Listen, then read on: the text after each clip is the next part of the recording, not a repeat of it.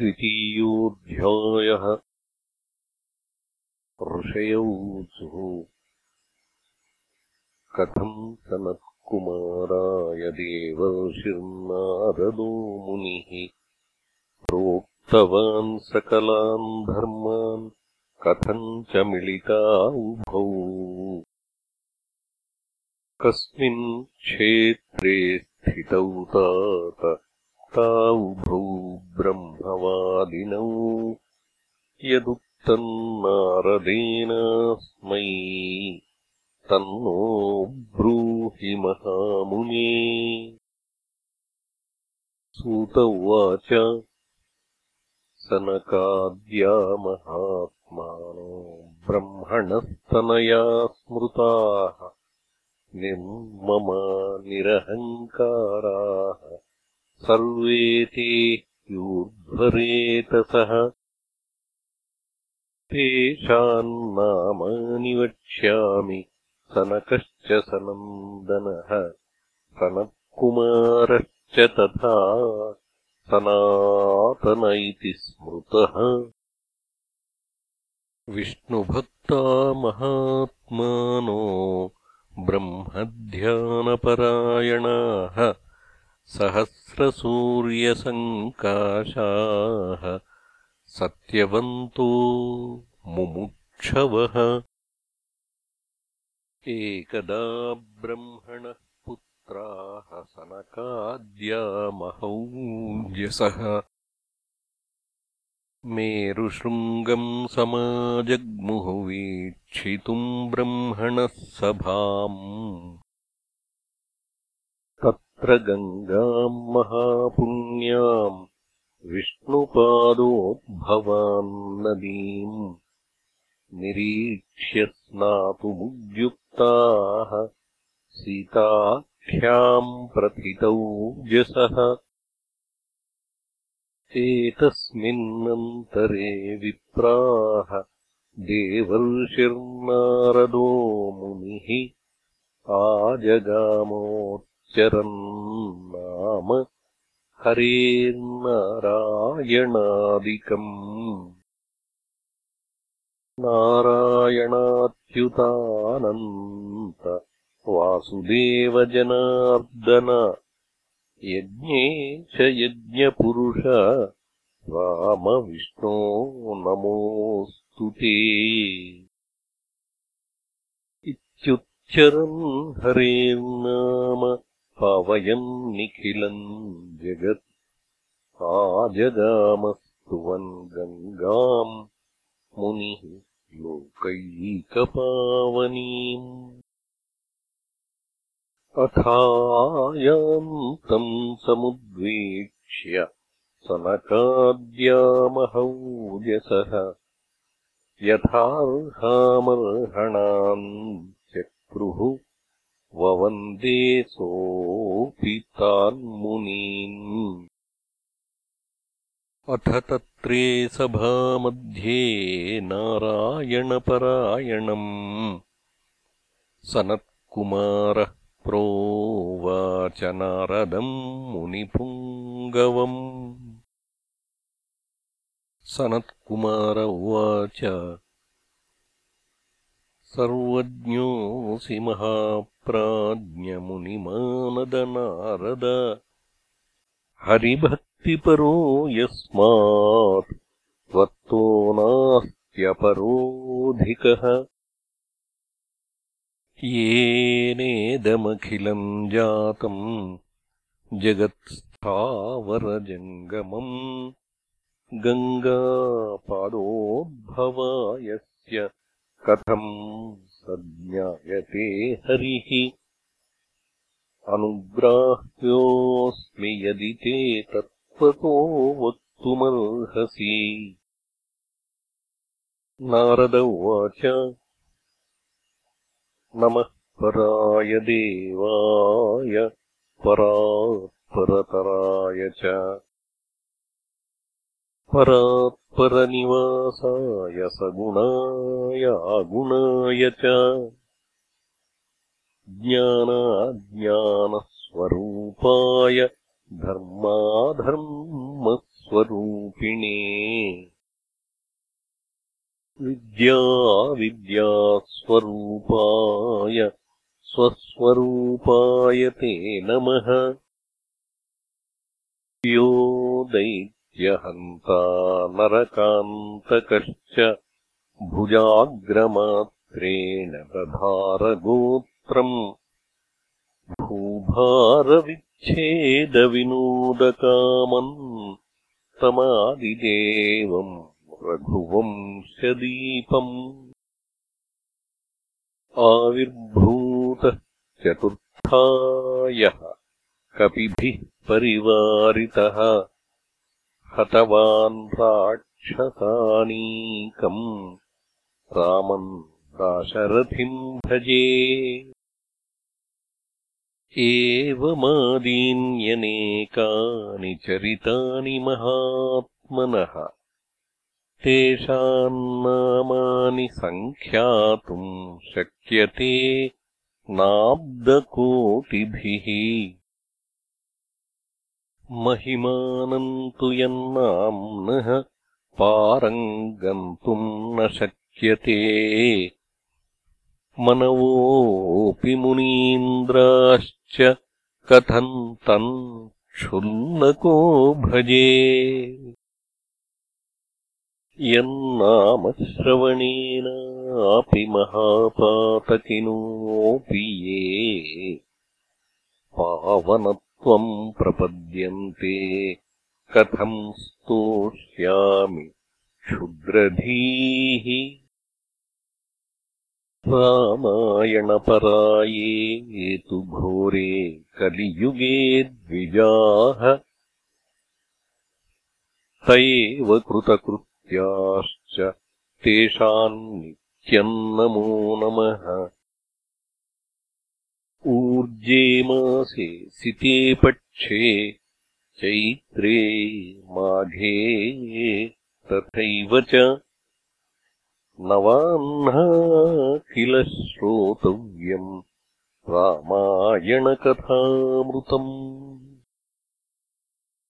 गौतमशापतः प्राप्तः सौदासो राक्षसीम् तनुम् रामायणप्रभावेण विमुक्तिम् प्राप्तवान् पुनः। सनत्कुमार उवाच रामायणम् केन प्रोक्तम् सर्वधर्मफलप्रदम्। शप्तः कथम् गौतमेन सौदासो मुनिसत्तम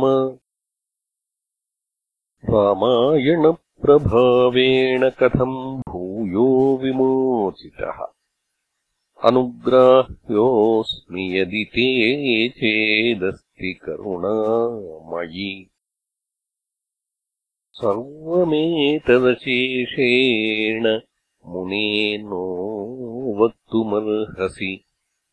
शृणुताम् वदताम् चैव कथा पापप्रणाशिनी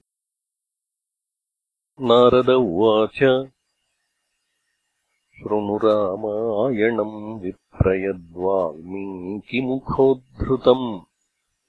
नवाह्ना खलु श्रोतव्यम्। रामायणकथामृतम्।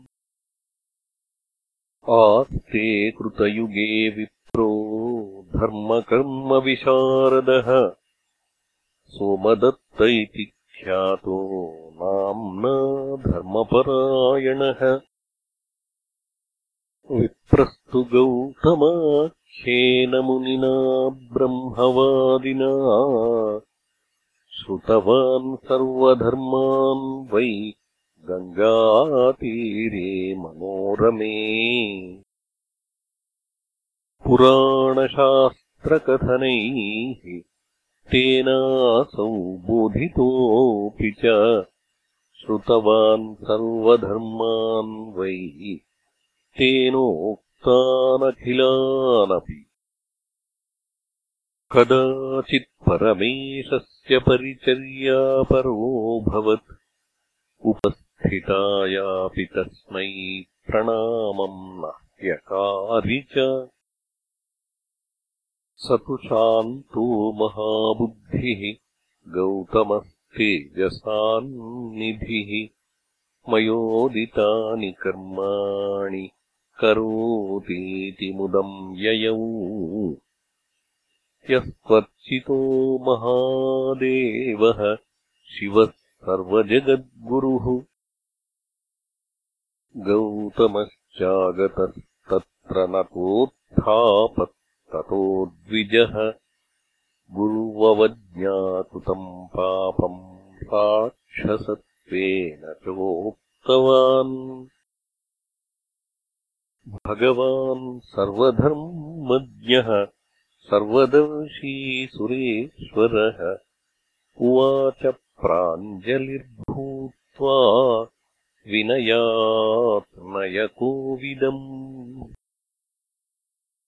क्षमस्व भगवन् सर्वम् अपराधम् मया कृतम्।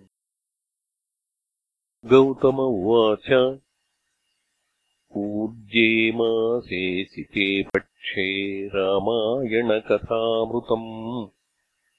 नवाह्नाम् किल श्रोतव्यम् भक्तिभावेन सादरम् नात्यन्तिकम् भवेदेतत् द्वादशाब्दम् भविष्यति। विप्रौवाच केन रामायणम् प्रोक्तम् चरितानि तु कस्य वै? मनसा प्रीतिमापन्नो ववन्दे चरणम् गुरोः। एतत् सर्वम् महाप्राज्ञ सङ्क्षेपाद्वक्तुमर्हसि। गौतम उवाच शृणु रामायणम् विप्रवाल्मीकिमुनिना कृतम् तच्छ्रुत्वा मुच्यते पापात् स्वम् रूपम् पुनरेति सः येन रामावतारेण राक्षसा रावणादयः। हतास्तु देवकार्यार्थम् चरितम् तस्य वै शृणु। कार्तिके च सिते पक्षे कथा रामायणस्य तु। नवम्यहनि श्रोतव्या सर्वपापप्रणाशिनी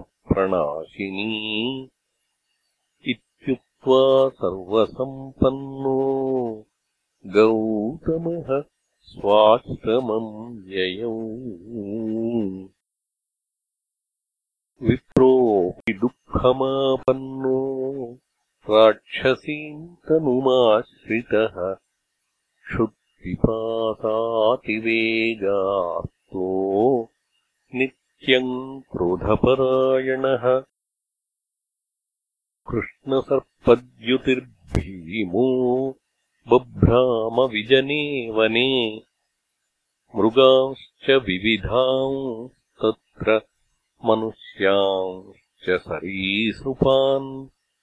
विहगान् प्लवगांश्चैव प्रशस्तांस्तान् अभक्षयत् अस्थिभिर्बहुभिर्विप्राः पीतरक्तकळेबरैः रक्तादप्रेतकैश्चैव तेनासीद्भूर्भयङ्करी।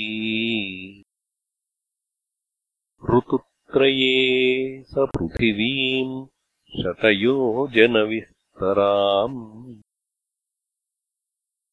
कृत्वातिदूषिताम् पश्चात् वनान्तरमगात् पुनः तत्रापि कृतवान् नित्यम् नरमांसाशनम् तदा। जगामनर्मदातीरे सर्वलोकभयङ्करः एतस्मिन्नन्तरे प्राप्त दृष्टः कश्चिद्विप्रोतिधार्मिकः कलिङ्गदेशसम्भूतो नाम्ना गर्ग इति श्रुतः।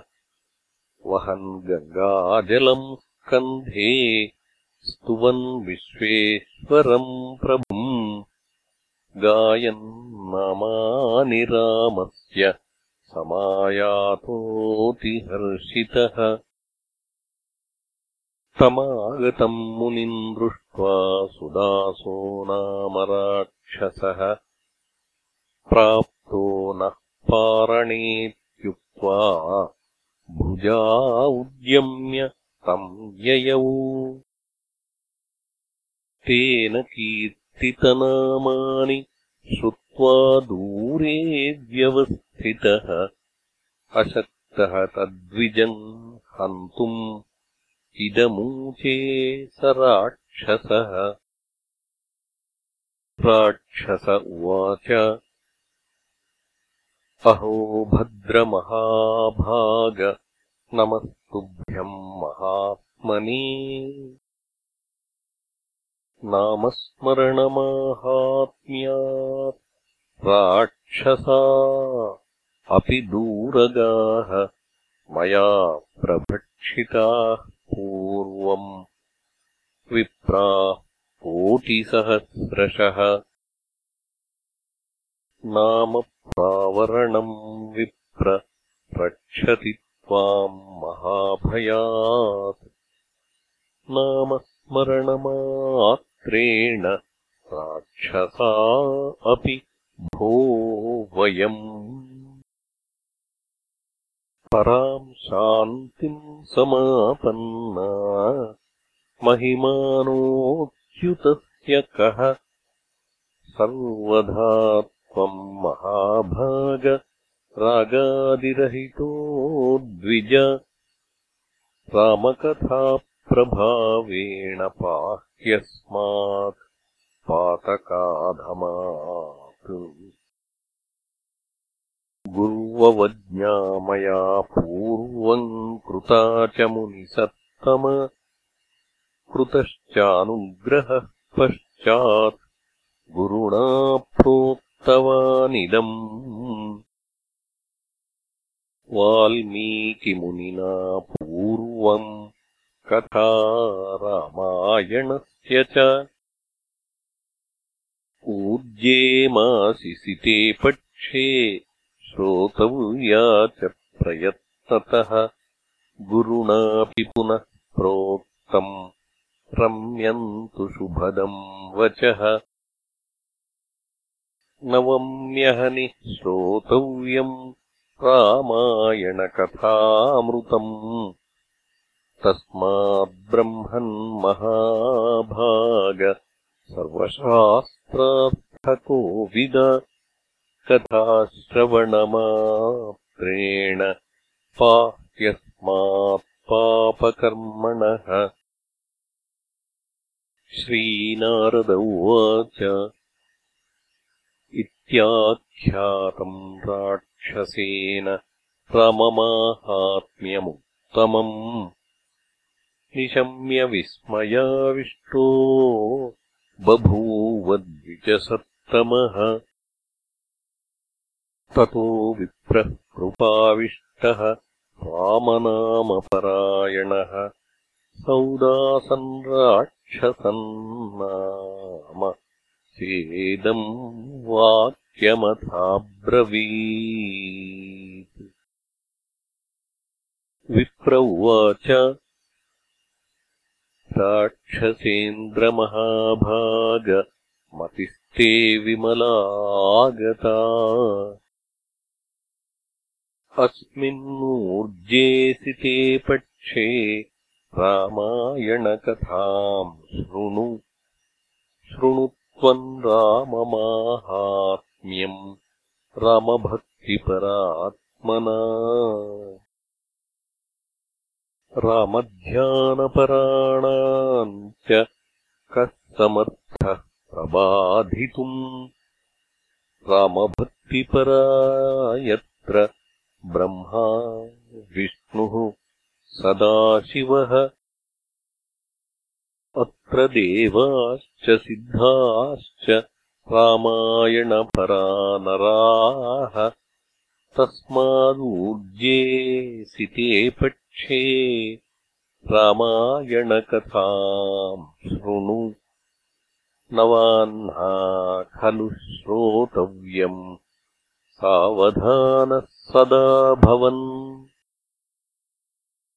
कथाश्रवणमात्रेण राक्षसत्वमपाकृतम् विसृज्य राक्षसम् भावम् अभवद्देवतोपमः। कोटिसूर्यप्रतीकाशम् आपन्नो विबुधर्षभः शङ्खचक्रगदापाणी रामभद्रः समागतः स्तुवंस्तु ब्राह्मणम् सम्यक्। जगाम हरिमन्दिरम्। नारद उवाच तस्माच्छृणुध्वम् विप्रेन्द्रा। रामायणकथामृतम् नवम्यहनि श्रोतव्यम्। ऊर्जेमासि च कीर्त्यते। यन्नामस्मरणादेव महापातककोटिभिः। विमुक्तः सर्वपापेभ्यो नरो याति पराम् गतिम् रामायणेति यन्नाम सकृदप्युच्यते यदा तदैव पापनिर्मुक्तो विष्णुलोकम् स गच्छति ये पठन्तीदमाख्यानम्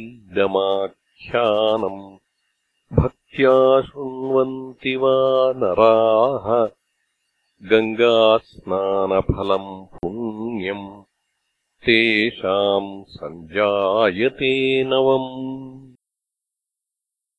इति श्रीस्कन्दपुराणे उत्तरखण्डे नारदसनत्कुमारसंवादे रामायणमाहात्म्ये राक्षसमोक्षणम् नाम द्वितीयोऽध्यायः